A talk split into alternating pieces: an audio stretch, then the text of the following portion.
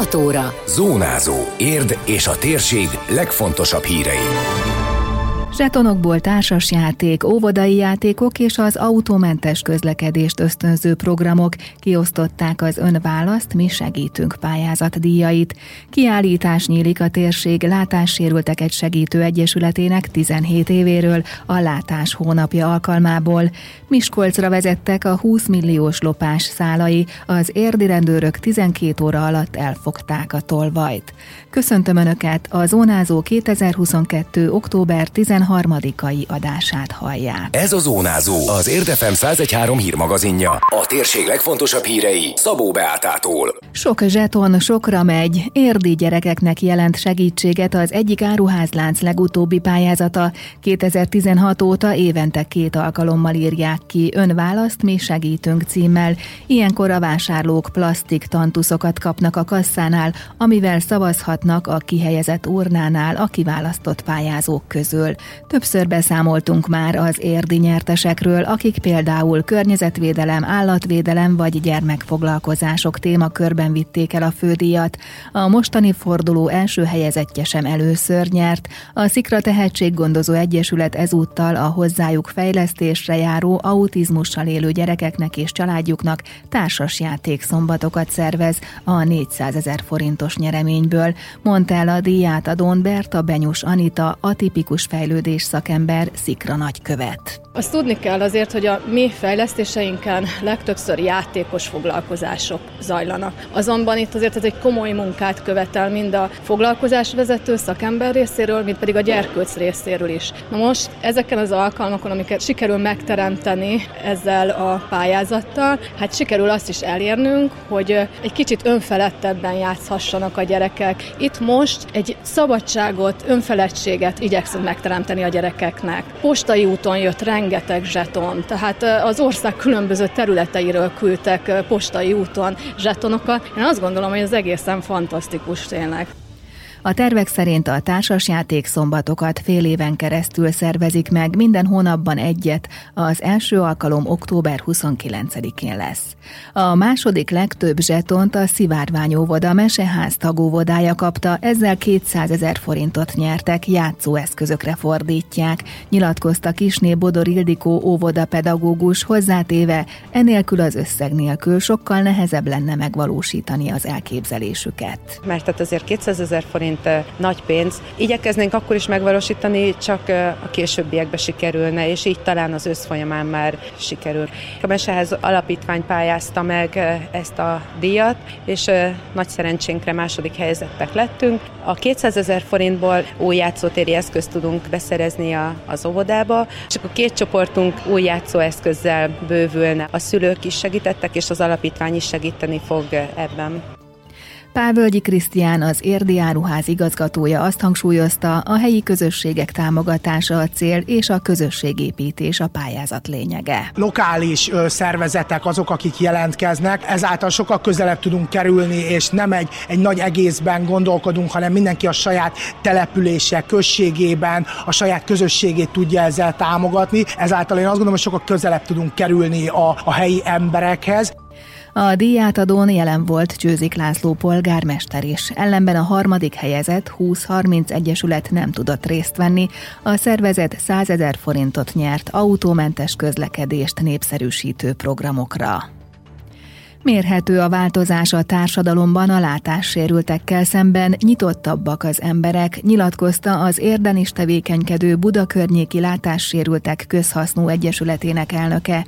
Nyikes Fatime rádiónk reggeli műsorában beszélt a szervezetről, abból az alkalomból, hogy a működésük 17 évét áttekintő tárlat nyílik pénteken Budaörsön, az október 15-i Fehérbot napja, vagyis a Vakok és Gyengénlátók Nemzetközi Napja, valamint a látás oktatás hónapja alkalmából.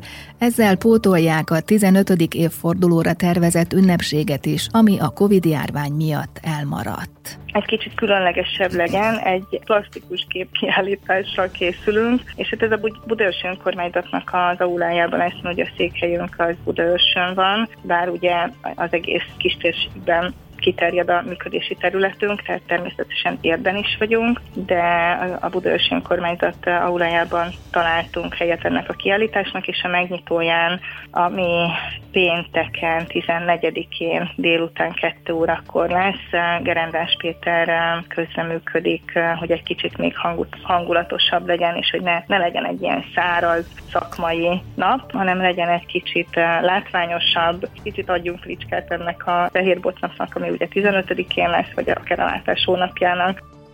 A bulák létszáma száz főre tehető, az Egyesület elsődleges feladata a tagjaik ellátása, igyekeznek mindenben támogatást nyújtani, akár autós szállítással, akár programszervezéssel.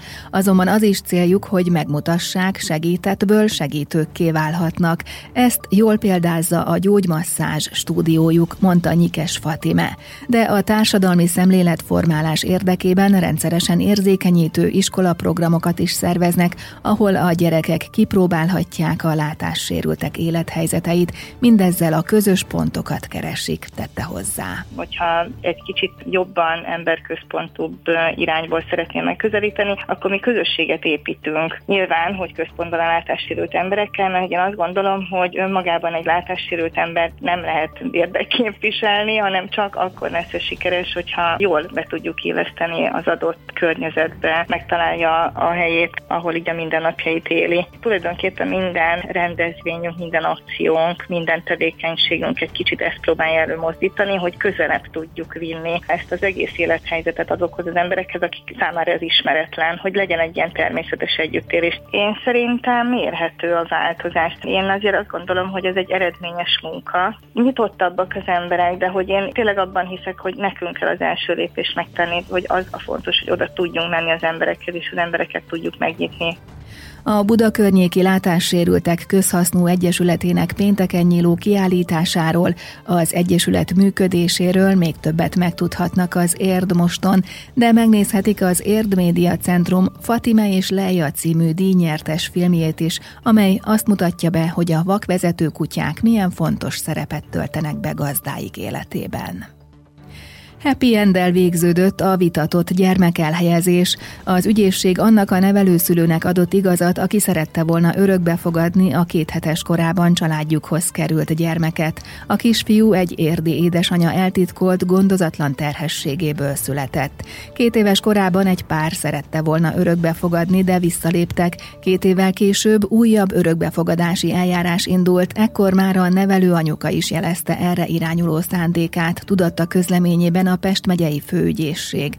A gyermekkel kapcsolatba kerülő szakemberek véleménye ellenére, miszerint a kisfiú nagyon kötődik a nevelőszülőhöz és családjához, teljes jogú családtag, kiegyensúlyozott és vidám, az illetékes gyermekvédelmi szakszolgálat idegen pároknak adta volna a kicsit. A nevelőszülő az ügyészséghez fordult, amely a szakvélemények alapján megállapította, hogy a gyerek súlyos traumát élhet meg, ha új családba kerül, és visszafordíthatatlan érzelmi érzelmi károsodás érheti. Ez alapján a gyámhatóság engedélyezte a nevelőszülőknek a kisfiú örökbefogadását.